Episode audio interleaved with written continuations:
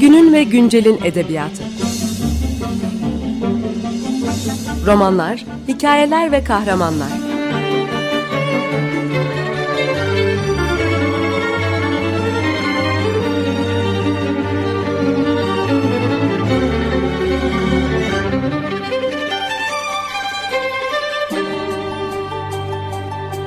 Hazırlayan ve sunan Seval Şahin.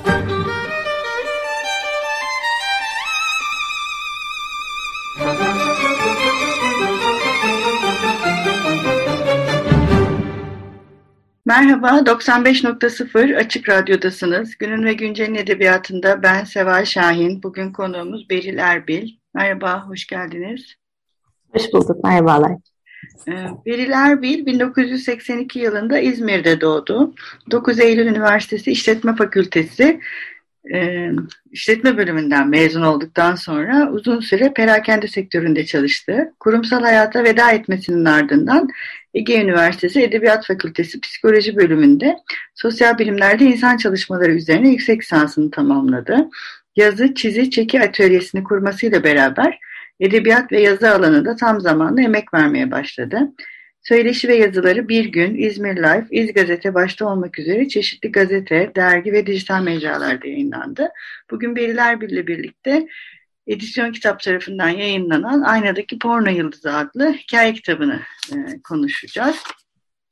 E, bu e, kitapta 11 hikaye var. E, bu hikayelerin genel temalarına ve izleklerine baktığımızda kadın erkek ilişkileri e, ve bu kadın erkek ilişkilerin üzerine e, çoğunlukla bitmiş ilişkilerin e, kadın düşüncesinde ve e, dünyasında algılanması üzerine kurulduğunu söyleyebiliriz.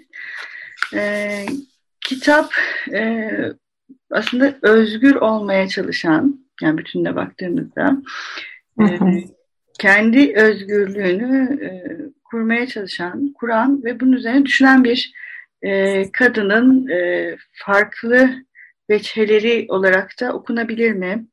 E, siz böyle bir şey düşündünüz mü? Ya da bunlara böyle mi görüyorsunuz? Hı hı. Aslında çok e, güzel söylediniz. Evet, kendinin farkına varmaya çalışan, özgür olmaya çalışan ama toplum tarafından e, şekillenmiş kadınlar var. Yani bu e, hepimizin e, hayatındaki örnekler ve kendi hayatımızda özgürleşemediğimiz, kendimiz olamadığımız noktalar var. Dolayısıyla burada da evet hani her hikayede farklı bir kadın var ama e, bu kadınlar e, genel anlamıyla özgürleşmeye, kendi kimliklerini bulmaya, toplumun onlara dayattığı bir takım kurallardan, rollerden sıyrılmaya çalışıyorlar biraz e, bu çerçevede o kendinin varoluşuna ters düşen şeyleri e, nasıl aşarlar sorusuyla aslında başlayan bir çalışma oldu bu. Kadın yani bütün hikayelerde kadınların iç sesleri e, başat bir e, yer kaplıyor. Hatta dış ses neredeyse e, üçte bir oranında diyebiliriz herhalde bütün e, kitaba baktığımızda. Bu kadınların kendi toplumlarında var olma mücadele, mücadelelerinin sessizliğini anlatmak mı? Bu sizin için aynı zamanda bir imge midir? Bilerek mi? Yani bu iç sesin bu kadar yüksek olmasının sebebi nedir? Bu yani hani bilerek böyle özellikle iç sesler üstüne kurulmuş bir e, yapı değil öncelikle onu söyleyebilirim. Ama şunu düşünüyorum hani toplumda sesimiz kısıldığı vakitte e, yaptığımız şey tamamen zihnimizden konuşmak oluyor ve o zihni susturmak zaten çok zor bir şey. E, bir anda e, burada konuşurken bile kim bilir aklımızdan başka neler geçiyor şu anda. Dolayısıyla e, hani bunlar da kadının o kendi varoluş sürecinde aslında önce bir içsel mücadele hani e, özgürlüğünü elde edebilmek için önce kendini ikna etmeli, kendisi bir şeylere karar vermeli e, diye düşünüyorum. Dolayısıyla da iç seslerden dışa dönen e, bir dünya var her birinde. Sanırım öyle. Bir de kadın arkadaşlıkları da önemli kitapta. E, özellikle bir başka yalnızlık ve arzu, e, kadın arkadaşlığı, kadın sohbeti ve kadınların birbirleri hakkında düşünceleri üzerine. E, kurulu hikaye, hikaye. Hatta belki sonuncusu da tavan arasında Alice'i de belki böyle değerlendirmek mümkün olabilir. E, bu kadın arkadaşlığı ve e, kadın iç ses aslında en çok dış sesler burada çıkıyor sanki. Kadın arkadaşlıklar. Zaten şey üçlü bir kadın sohbeti arzu. Orada da bir iç ses var ama hani sohbet işte pilav yapmak. Çok güzel pilav yaparım. İyi pilav yaparım. Gerçekten şeydir ya kadınların ne denir şah, kadınlığın şahikalarından biri gibidir. şey yapmak, evet. pilav yap, iyi pilav yapmak. iyi pilav yapmak. yani, e, bu kadın arkadaşlığı, dostluğu ve kadınların kendi aralarındaki ilişkilerin bu kadının toplumdaki yeri ve sizin hikayenizde algılanmasıyla arasındaki ilişki nedir? Ee, şimdi ben kadın kadın arkadaşlıkları çok önemsiyorum. Birbirimizi çok iyi anladığımızı düşünüyorum bazı konularda ve e, birbirimizin hani o iç seslerimizi paylaşabildiğimizi e, düşünüyorum. O e, karşılıklı birbirimizi o iç seslerde boğulabildiğimizi ve bazen böyle rahatladığımız bile bir gerçek. Ama sadece kadın olduğu için de e, bir arkadaşlığın kurulabildiğini düşünmüyorum açıkçası. Aslında hani bir başka yalnızlıkla Arzu da biraz böyle farklı açıları da vardı bu kadın kadına arkadaşlığın. E, çünkü o içimizdeki eğer e, hani otoriteyi, ataerkilliği, ondan sonra birbirine o yenme duygusunu ya da gücü susturamadığımız noktada e, eşit ilişkiler ya da karşılıklı paylaşımlı ilişkiler kuramadığımızı düşünüyorum. Bir başka yalnızlık biraz aslında o e, paylaşımlı ilişkiye ulaşabilmiş e, iyi bir arkadaşlığın e, hikayesiydi. Şeyde de Arzu'da da e, Arzu'nun kötülüğünden değil ama e, orada bir takım şeyleri içsel olarak çözememesi ve işte pilavıyla öne çıkmak istemesi onu bir güç unsuru olarak kullanmasıydı aslında e, oradaki şey. Dolayısıyla hani e, ilişkilerin hepsi yani kadın ilişkileri önemsiyorum, arkadaşlıkları önemsiyorum e, ama onların da şey gene güç ilişkilerini barındırabileceğini düşünüyorum bir taraftan da. Evet zaten o ben çok iyi pilav yaparım. Aslında o iktidar vurgusunu ve o iktidarın e, kadın olmak ve kadınlığı tanımlayan şeyin ne olduğu üzerindeki e, sembolü göstermek açısından çok önemli e, bir şey zaten. O e, değişmiyor ve gerçekten kadınların da farkında olmadan bu iktidar ilişkilerini e, tekrar ediyor olması, kendi aralarında üretiyor olması da tam da pilav aslında metafor da yani pilav yapmak metaforuyla anlatılabilecek bir şey. Hatta sizin hikayenizi okurken Gaye Boralıoğlu'nun da bir hikayesi vardır. Ee, belki siz de okumuşsunuzdur. Ee, tavuklu pilav. Israrla tavuklu pilav yapan bir kadın. Tavuklu pilav satmak. O da böyle çok e, e, etkilendiğim hikayelerden biriydi benim. Bu pilav, Türkiye'de özellikle pilav yapmak ve kadın olmak arasında e, ilişki hikaye edilmek için çok güzel demek ki yani kadın hikayecilerin dikkatini e, çektiğine göre. E, şimdi e, biraz Naciye Hanım ve Hayati Bey hikayesinden de bahsedelim. E, bu e, hikaye aslında üç sesli bir hikaye. E, yani Hayati Bey'in aslında olmadığını e, sonradan fark ediyoruz ve Naciye Hanım'ın kendi içinde iki ses çıkardığını bir süre sonra hem kendisi adına hem onun adına bir de tabii onları anlatan e, anlatıyor. Üç sesle kurulmuş bir hikaye ve bu hikayede de aslında e, bir hayatın algılanması ve yaşanması üzerine bir e, parodileştirme e, gibi. Yani sanki bunlar bir e, evli bir çifti oynayan bir e, kadın ve erkeğin başka birisi tarafından izlenmesi ya da okunması gibi bir sahne var gibi kurulmuş e, bu hikaye. E, bu hikayeyi neden böyle düşündünüz? Yani gerçekten bir tiyatro sahnesi var mıydı kafanızda? E, ve bu üç ses yani neden sadece iki kahraman değil Naciye Hanım ve Hayati Bey değil de üçüncü bir ses istediniz? Niye üçüncü bir ses de oldu burada? O öyküyü aslında İlk ortaya çıkışı son cümlesinden e, çıkan bir öyküydü. Bu bir ilgili bu sebeple kim yargılayabilir bizi ile ortaya çıkan bir şeydi. Dolayısıyla böyle bir e, düşsel bir hayat kurgulamak istemiştim orada. Ve Naciye Hanım bu şekilde çıktı e, ortaya o karakter. Ondan sonra e, ama Naciye Hanım'ın e, öldürmek ve o şeyle e, ardından e, yani öldürüp o hikayenin aslında onun o gizlediği hayatın orada çıkmasını, ortaya çıkmasını istedim. O zaman da e, üçüncü bir ses kullanmak istedim. Yani kimse bilmesin. E, aslında bir taraftan işte evlenmek, bir yuva kurmak hani herkesin e, hani pilav gibi belki farkında olsak da olmasak da bir şekilde e, istediği bir şey toplumun şeylerine baktığımız zaman. Ama burada aksiyen şeyler olabiliyor hani diğer öykülerde de hani o ikili ilişkilere baktığımızda. E, Naciye Hanım burada e, bir takım zorluklar yaşıyor. Ondan sonra e, ve kendi hayatını o istediği gibi bir hayaliyle aslında kuruyor. Bunu dışarıdan böyle yansıtıyor. Çok dokunamıyorlar ona bir yandan deli diyorlar. Ondan sonra hani ne yapsa yeri gibi bir duygu var Hayati Bey'in onun hayatına girmesinde.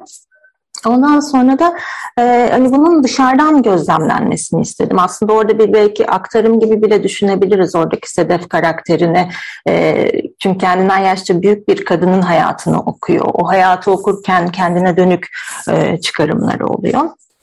Dolayısıyla o son cümleden Naciye Hanım, sonra Naciye Hanım'a bir hayat orada e, bu doğrultuda bir e, hayat yazıp onun ardından da e, aslında yazarken hani çok e, böyle yazıp bozduğum öykülerden bir tanesiydi bu. Böyle bir kere de ortaya çıkan bir öykü değildi. E, ve en sonunda böyle çok sesli Sedef'i de en son olarak kattığım bir öykü oldu. Evet, bir ara verelim isterseniz. Bugün ne çalalım isterseniz. Bugün e, Michelle Grovich'ten Love From A Distance çalabiliriz. Bu değişik günlerin, e, ilginç günlerin e, şarkısıydı. Ee, benim kitabım da tam böyle bir pandemi dönemine denk geldiği için olsun istedim. Peki. Merhaba tekrar 95.0 Açık Radyo'dasınız. Günün ve Güncel'in edebiyatında ben Seval Şahin. Bugün konuğumuz Beril Erbil ile birlikte Aynadaki Porno Yıldızı e, adlı hikaye kitabını konuşuyoruz.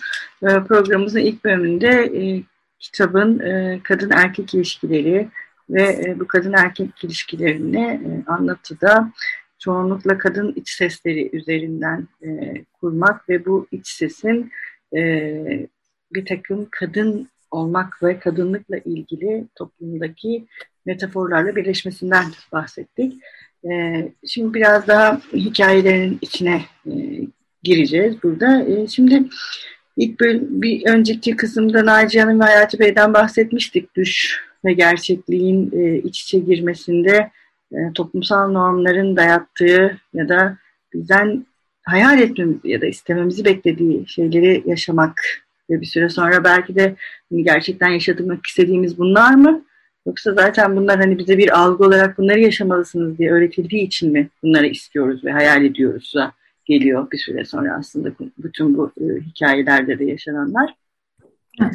Kavan arasında Alice de e, biraz böyle bu düş, gerçek ve e, toplumsal normların e, başka bir versiyonu. Acaba e, okuduğumuz kitapların da mı alttan alta bize bunları e, ne diyeyim e, aşıladı ya da bunların bize bir aslında kurtulmak için strateji üretebileceği başka bir dünya mümkünü e, gösterebilecek bir e, formülü de içinde barındırdığı için mi e, mesela bu tavan arasında Alice onu nasıl düşündünüz? Bu, bu, bütün bu söylediklerimizi paralel mi bu kitaptaki, bu hikayede? Bir açıdan evet. Şimdi mesela e, orada bir anne kız ilişkisi var. Anneye kabul e, yani öykünün sonlarına doğru çıkan öyle bir şey var. E, ve Alice oradaki anlatıcının aslında çocukluğu gibi bir taraftan da. Dolayısıyla o çocuk orada büyüyor, belli normlarla büyüyor, e, sevgi ve kabul bekliyor aslında. Kend, sadece kendi olarak bekliyor bu sevgiyi ve kabulü. E, ama bazen işte o kabul olmuyor ya da o kabul olsun diye farklı adımlar atıyor. E, oradan farklı tokatlar yiyebiliyor hayatta e, farklı alanlarda ve dolayısıyla istediği yönde istediklerini yapabilen biri değil artık. Ee, ve en sonunda bunların farkına vardığında o çocukla buluşması, kendi içindeki çocuğu tekrar e, hayata döndürmesi, aslında o bilinçaltının karanlıklarında dolaşabilmesi ve oradan çıkarak e, anneye rağmen, e, bizleri yetiştiren annelerimize rağmen e, kendi hayatını kurması üstüne çıkan bir şey. Tabii annenin içi de çok dolu orada bakarsak. Yani anne dediğimiz zaman herkesin annesiyle ilişkisi, herkes çocuğun annesiyle ilişkisi çok farklı ve anne de toplumdan, toplumsal normlardan çok etkileniyor. Ve e, en iyisini çocuğuna yaşatmak istese de doğrusu yanlışıyla her şeyi yaşattığı için yani bir şekilde de hep o e, bir nesil öncesinden birkaç nesil öncesinden hep bir takım şeyleri taşıyoruz üstümüzde diye düşünüyorum. Alice birazcık hani onların araştırması gibiydi yazarken.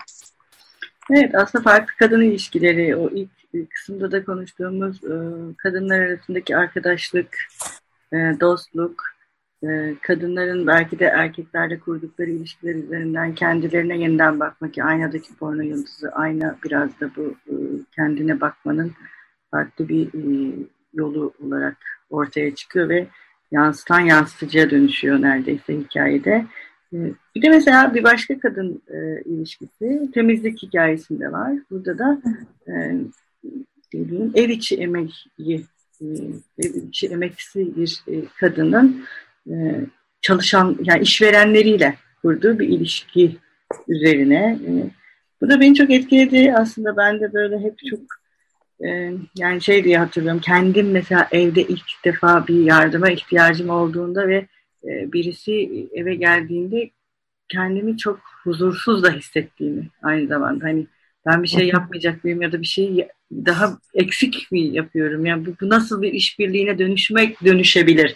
Hani bir e, hiyerarşik bir ilişki değil de birlikte olabilen bir yani iş işveren değil birlikte yapılabilen bir işe dönüşebilir üzerine çok tedirgin olduğumu hatırlıyorum. Bu hikayede de öyle bir tedirginlik hissettim okurken. O yüzden mi mesela bu hikayeyi başka bir kadın ilişkisinin boyutu ve bu tedirginlik var mıydı sizde de yazarken?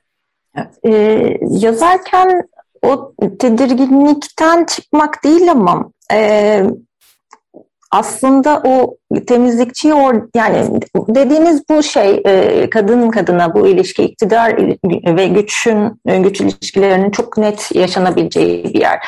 Ondan sonra ve burada işte e, kadın kadına bütün ilişkiyi savunabilirsiniz ama orada evinize gelen kişiye çok farklı davranabilirsiniz.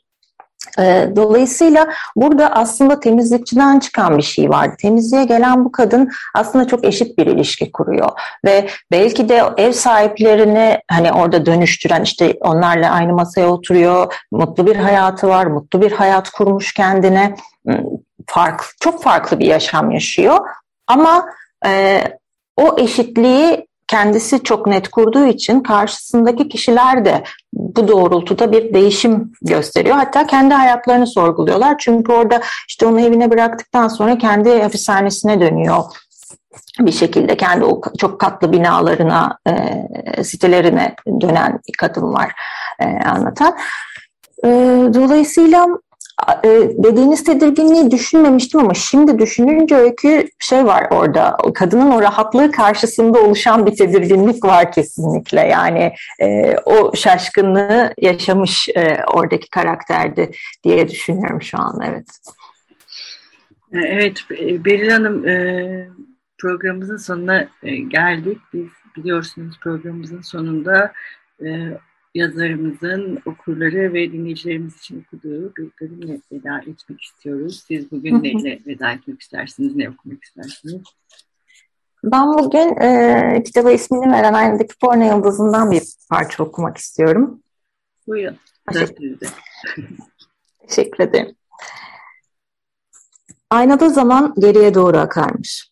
Sol elimin sevdası sağ elimin aklı olurmuş. Arkamdaki gardırop karşımda durur, her şey yerli yerindeyken orada ters olurmuş. Zamanda yolculuğa çıkacağımızı söylüyor kadehimdeki şarap. İç beni diyor. Küçük bir yudum alıyorum şarabımdan. Karşısında dikildiğim boy aynasında gözlerimi ararken dünyanın en güzelini söylemesini değil, bana beni getirmesini istiyorum ondan. Kendimden başka her şeye benzeyen solgun yüzümü adlandırmakta zorlanıyorum. Gözlerimin feri sönmüş, tenim gittikçe beyazlamış, kanım çekilmiş gibi. Ters yüz görünüyor evim. Benim evim. Pencerede salınan o bembeyaz perdeler, gardırop, komodinler, çift kişilik bir yatak, yatağın iki yanına uzanan beyaz pelüşler, başucu lambaları, dağınık bir yorgan. Hepsi benim. Yorganın altında horultularıyla uyuyan, uzaktan izlediğim adam benim kocam. Ölümle karşı karşıya değilim. Yine de gözümün önünden sahneler geçiyor. Hızlı akan bir film gibi değil. Boğaza düğümlenen söz, mideye oturan bir yumruk, bedeni yakan ateş gibi sahneler. Dün gibi hatırlıyorum bu aynayı aldığımız günü.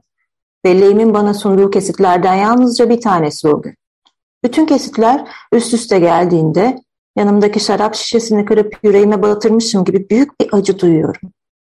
Acıya alışırmış insan. O nedenle yavaş yavaş hatırlamak istiyorum.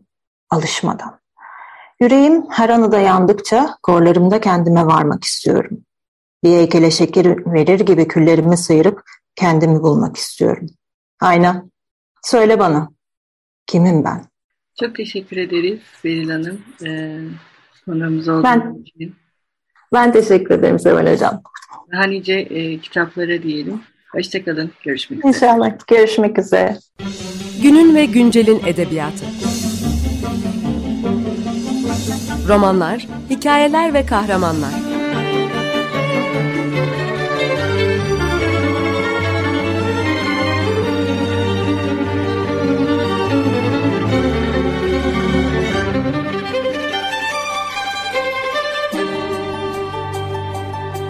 Hazırlayan ve sunan Seval Şahin.